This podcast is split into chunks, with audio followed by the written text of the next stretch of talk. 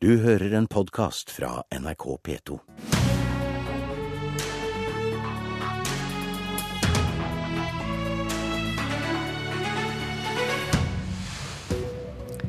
Kan Miljøpartiet De Grønne fortsette å insistere på at de verken er på rød eller blå side av politikken, når de legger opp til 38 milliarder i skatteskjerping?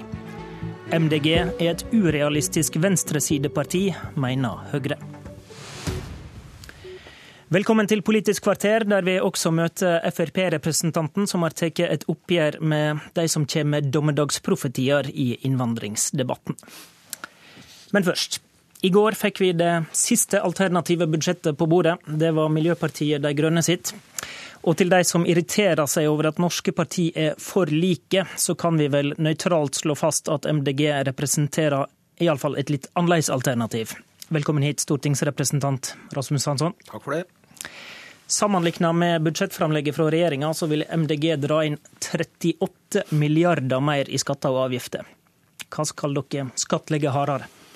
Det vi skal skattlegge hardere, er eh, først og fremst eh, miljøfiendtlig forbruk og miljøfiendtlige varer. Eh, og så kommer vi til å ta inn noe mer skatt fra de høyeste inntektsgruppene, mens vi letter skatten på de laveste inntektsgruppene. Og pengene de skal vi bruke til det vi må bruke penger på i det norske samfunnet, nemlig investere i det grønne skiftet som Erna Solberg snakker entusiastisk om når hun er i form. Eh, og som vi alle vet vi må inn i. Et samfunn hvor vi lever av eh, bærekraftig næringsliv, og hvor samfunnene, lokalsamfunnene våre er organisert på en bærekraftig måte. Det koster penger. Vi må investere de pengene, og vi gjør det i en helt annen skala enn det andre partier gjør, fordi vi er nødt til å komme i gang.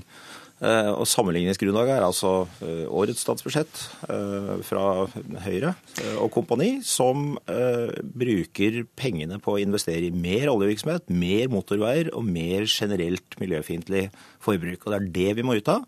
Og det er det vi bruker penger til. Og så er det viktig å huske på at... Og For å gi et annet sammenligningsgrunnlag, så skjerper Arbeiderpartiet skattene med 10 milliarder i forhold til regjeringen sitt. Dere tar 38. Dere gir økt toppskatt til en verdi av 15 milliarder. 10 milliarder inn i auka flyseteavgifter og 4 milliarder inn i auka elavgift, f.eks.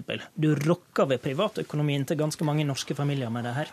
Eh, å dra ned forbruket eh, gjennomsnittlig i Norge er både fornuftig og nødvendig, og det er veldig mange klar over. Vi lever i en eh, forbruksspiral de siste 15-20 åra i Norge som alle vet at ikke kan fortsette, som ikke er sunt for norsk økonomi.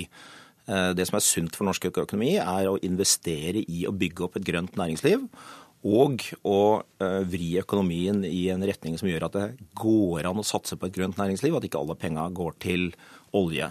Så er det ganske viktig å huske på at den endringen vi gjør, det er et stort tall, 38 eh, millioner.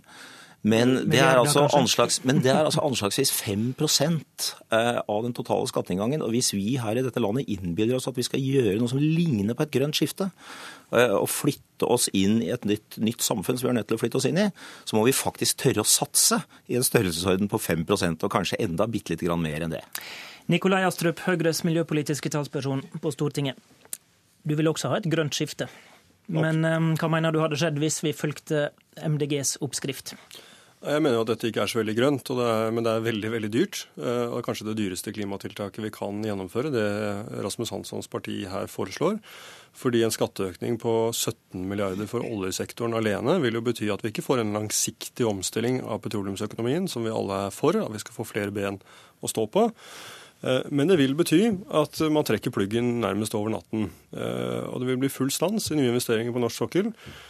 Eh, og det er jo ikke sånn som Rasmus Hansson later til å tro, at det er staten som investerer på norsk sokkel. Det er jo slik at det er selskapene som investerer på norsk sokkel. Og hvis ikke de investerer sine milliarder på norsk sokkel, så investerer de det på en annen sokkel. Men hvis vi skal så, bli et lavutslippssamfunn, så er kanskje radikale grep bedre enn musesteg, da? Nei, la meg sitere Elon Musk, som er uh, sjef i Tesla. Han, han sa det på oljemessen i Stavanger, at hvis han hadde en rød knapp der han kunne som han kunne trykke på, som ville stanset uh, oljeindustrien i morgen, så ville han ikke trykket på den. Rett og slett fordi at det er så mye som er avhengig av den, og vi er ikke klare for å trykke på den knappen nå. Det vi trenger, det er å starte omstillingen til et grønnere samfunn, få flere ben å stå på, nye grønne arbeidsplasser, et teknologiskift som gjør at vi kan finne konkurransedyktige alternativer til kull, olje og gass innenfor transport, industri osv., og, og ikke minst kraftsektoren. Men det Rasmus Hansson gjør, det er å bygge ned noe eh, i morgen med håp om at han skal bygge opp noe annet på sikt. Hansson. Han kommer ikke til å få det, til noen av delene. Da har jo tydeligvis ikke uh, Nikolai Astrup brydd seg med å lese budsjettet vårt. for Vi bruker altså 10 milliarder kroner på helt spesifikke tiltak på å løfte fram uh, nytt grønt næringsliv. Men på omstilling, forskning, på omstilling tar tid, sier han. Ja, men Omstilling må jo begynne. Det Nikolai Astrups budsjett uh, gjør, er å bruke 8 milliarder mer på oljesatsing. mye mer på motorveisatsing enn på jernbane. Eh, og altså masse oljefinansiert ekstraforbruk. Altså det stikk motsatte av grønt skifte. Det vi gjør, er altså store investeringer, 10 milliardersklassen, på å bygge opp dette næringslivet. Nettopp fordi det tar tid. Hvor vi må komme i gang eh, i dag. Og vi bruker tilsvarende summer på å bygge opp eh, bærekraftig lokalsamfunn og bærekraftig transport. Som også er det alle sier de vil ha, men ikke tør å satse på. Og det som er det interessante, det er at dette er jo virkemidler som er fullt ut gjennomførbare innafor en bærekraftig og, og, fornuftig norsk økonomi. Og det er langt innafor det som norsk økonomi du, kan tåle. Og det um, fører ikke til noen Hansson- avskruing av olja i morgen. Det fører til at de lar være å investere i ny oljevirksomhet, som er akkurat det vi må holde du, opp med. og du Hansson, insisterer på at MDG verken er et høyreparti eller et venstreparti, men Ja. du klistrer deg vel godt til venstresida i politikken med denne skatte- og Ja. Hvis man bare ser på ett øye, eh, så gjør vi det. Og det øyet ser da eh, høye skatter, som er typisk eh, venstresidepolitikk eller sosialdemokratisk politikk. Men hvis man åpner det andre øyet, så ser vi at vi gjør det samme eh, som Tysklands eh, blå og konservative statsminister gjør. Nemlig henter inn skattepenger, men så investerer vi de pengene i et nytt norsk privat næringsliv hvor det er staten som stiller risikokapital. Staten gir støtte til ny næringsutvikling, og målet er utvikling av et privat, nytt næringsliv. Og Det er høyrepolitikk så god som noe, men det er bare mye mer avansert og djerv høyrepolitikk enn Høyre selv tør å uh, føre. Ast- Astrup. Og det fører til at vi er et parti som går en grønn vei, ikke en rød vei, ikke en blå vei. Astrup, eh, ser du da en mulig samarbeidspartner her? Nei, absolutt ikke. fordi med dette budsjettet så plasserer Rasmus Hansson seg veldig langt til venstre i norsk politikk. Skatteøkninger på 38 milliarder kroner. Eh, rasering av Norges viktigste næring nærmest over natten. Han tror han skal få gründere ut av en statlig tilskuddsøkonomi, men skal altså skattlegge gründerne på en slik måte at de enten ikke kommer til å satse eller kommer til å flytte. Ja, da Så har altså er det- igjen ikke lest her- budsjettet, for vi har store skattefradrag nettopp for gründere og for små bedrifter for å få dem, eh, få dem opp og fram. Men Astrup, sammenlignet med regjeringa sitt framlegg, så vil eh, De grønne bedre budsjettbalansen med over 30 milliarder, og de reduserer oljepengebruken. Det er vel eh, en ansvarlig budsjettering som en høyrepolitiker kan omfavne? Ja, hvis det hadde vært et eh, realistisk budsjett, så hadde jo det vært selvfølgelig kjempefint med mindre oljepengebruk, men det er det ikke. Det er et eh, fullstendig urealistisk eh, budsjett, og det er ikke gjennomførbart. Det er det beste man kan si om dette budsjettet. Altså, Eh, Og dette er et budsjett som må gjennomføres hvis vi skal få gjort noe av det som eh, alle andre politikere sier, nemlig å komme oss ut av oljeavhengigheten og ut av en norsk økonomi som er en pådriver for global oppvarming, og over i det samfunnet hvor vi også skal leve av ting som ikke eh, ødelegger jordas miljø. Og hvor vi, eh, som Miljøpartiet De Grønne vil, legger litt større vekt på andre verdier enn bare økt materielt forbruk, eh, og eh, at vi ikke tør å komme oss ut av oljesatsinga. Dette er også et verdibudsjett, og det er et budsjett som peker fram mot et samfunn hvor livskvalitet er mer verdt enn en forbruk og enn nye motorveier. Astrup. Livskvalitet er veldig viktig, det er vi helt enige om. Men skal vi få til det teknologiskiftet som det grønne skiftet krever, nemlig at vi får konkurransedyktige alternativer til trans i transportsektoren, i industrien og kraftsektoren, så må det investeres. Vi må ha vekst i norsk økonomi, vi må ha vekst i verdensøkonomien. Og dette budsjettet som disse leverer, det vil gjøre Norge fattigere, men det vil ikke gjøre Norge spesielt mye grønnere. Vår evne til å få til det grønne skiftet vil bli svekket. Vår evne til å finansiere velferden vil bli svekket. Og klimagassutslippene vil gå marginalt ned. Eh, Nettopp fordi at i en verden som flommer over av kull, olje og gass, så er det altså ikke på tilbudssiden vi må gjøre tiltak, men på etterspørselssiden. Og det er der eh, Rasmus Hansson og Miljøpartiet De Grønne bommer fundamentalt. Han, Rasmus Hansson er alltid opptatt av hvor mange tonn kutter vi med ulike forslag. Det er liksom hans mantra i Stortinget. Og hvor mange tonn kutter man med å demontere norsk petroleumssektor over natten? Ganske mange. Og sannsynligvis veldig, veldig lite. Eh, og, eh, så effekten er veldig liten, men kostnaden er enorm. Så det, altså, det vi snakker om, er sannsynligvis verdens dyreste klimatiltak, og han vil ikke være i stand til å finansiere alle de andre gode løftene sine når da titusener av arbeidsplasser langs kysten raseres, og han sender norsk økonomi ut i Eh, en dyp resesjon. Vel, Miljøpartiet De Grønne eh, vil satse på endring. Eh, Høyre vil satse på å fikse klimatiltakene Nei. ved å produsere mer olje og forbruke mer. Høyre er også tilhenger av et grønt skifte, men Lykke det må også gjøres på en ansvarlig, fornuftig måte som gjør at vi oppnår resultatene. For det er tross alt resultatene vi skal måle.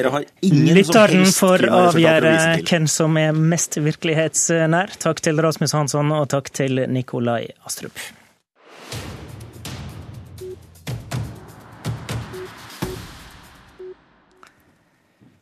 Før helga tok FrPs utenrikspolitiske talsmann Kristian Norheim bladet fra munnen. På egen Facebook-side tok han et oppgjør med de som kommer med dommedagsprofetier knytta til innvandring og muslimer. Velkommen hit, Norheim. For de som ikke har lest dette, så kan du jo referere litt sjøl. Hva var det viktigste du skrev? Nei, Det som var utgangspunktet, var at eh, FrPs innvandringspolitiske talsmann, min gode venn og kollega Masiar Keshvari, var ute og kommenterte en undersøkelse som hadde vært i Oslo. Der hvor faktisk det var ganske mange som mente at uh, Oslo var i ferd med å utvikle seg til uh, nærmest en islamsk stat. Og hvor det meste av det som vondt i verden kunne være, skyldtes innvandring. Og jeg ga min støtte til det, og fikk en del reaksjoner på dette her. Og dermed så syns jeg det var viktig eh, å ta et oppgjør med disse nettrollene, disse hatpredikantene på nettet, som eh, da for det første eh, bidrar til å forsure en viktig debatt om innvandring og integrering, og i tillegg da sprer gale forventninger om hva Frp eventuelt skulle fått til i regjering. Hvor tydeligvis noen har et vrengebilde av at Frp skulle kaste ut alle muslimer, stenge grensene, forby islam eh, når vi kommer i regjering. Og det er et feil bilde. Det kan vi aldri levere på, for det har vi aldri ment. Du skrev du lurer på om eh, folk har lest partiprogrammet. Var dette et ønske om å ta et oppgjør med dine egne, deler av dine egne velgere nå? Ja, altså Jeg er litt usikker på hvem av disse som egentlig er velgere også. Eh, for jeg tror det er eh, noen her som da mer eller mindre bare herjer på sosiale medier. Og det er det som er litt av problemet. Og jeg tror også at de skremmer en del bort ifra å stemme Frp. Eh, jeg tror ikke de er så mange, men de lager mye støy, og de forsurer en viktig debatt. Jeg er også for en restriktiv innvandringspolitikk, som Frp har. Dette er jo et forsvar for FrPs innvandringspolitikk, men det er også et, et, en bønn om en bedre, et bedre klima i debatten.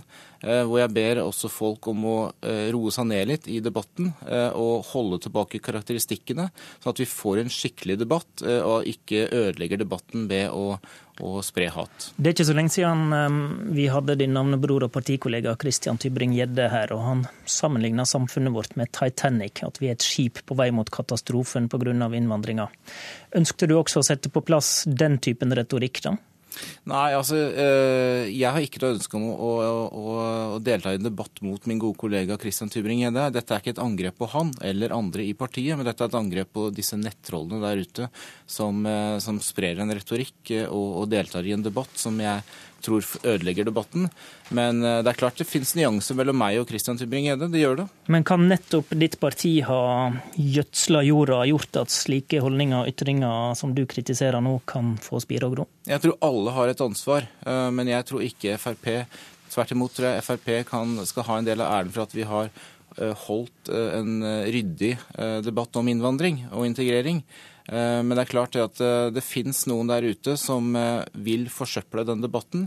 Og det gjør man da hvis man da setter sterke karakteristikker på folk. Jeg har sett folk som har karakterisert politiske motstandere som Josef Goebbels og, Herman Göring og nazister og sånt noe. Er du redd for at dere kan tiltrekke dere de ekstreme holdningene da? Eh, nei, det er jeg ikke redd for i det hele tatt. Men det er derfor jeg på en måte, det er et varsku og hvor jeg sier fra at dette er ikke det Frp står for. Det tror jeg de aller, aller fleste vet eh, at Frp ikke står for. Frp har en innvandringspolitikk som er restriktiv og ansvarlig, men vi eh, skal ikke, og vi gjør heller ikke, bidrar til en hatretorikk og en dårlig debattklima. Takk til Kristian Nordheim, det var Politisk kvarter. Du har hørt en podkast fra NRK P2.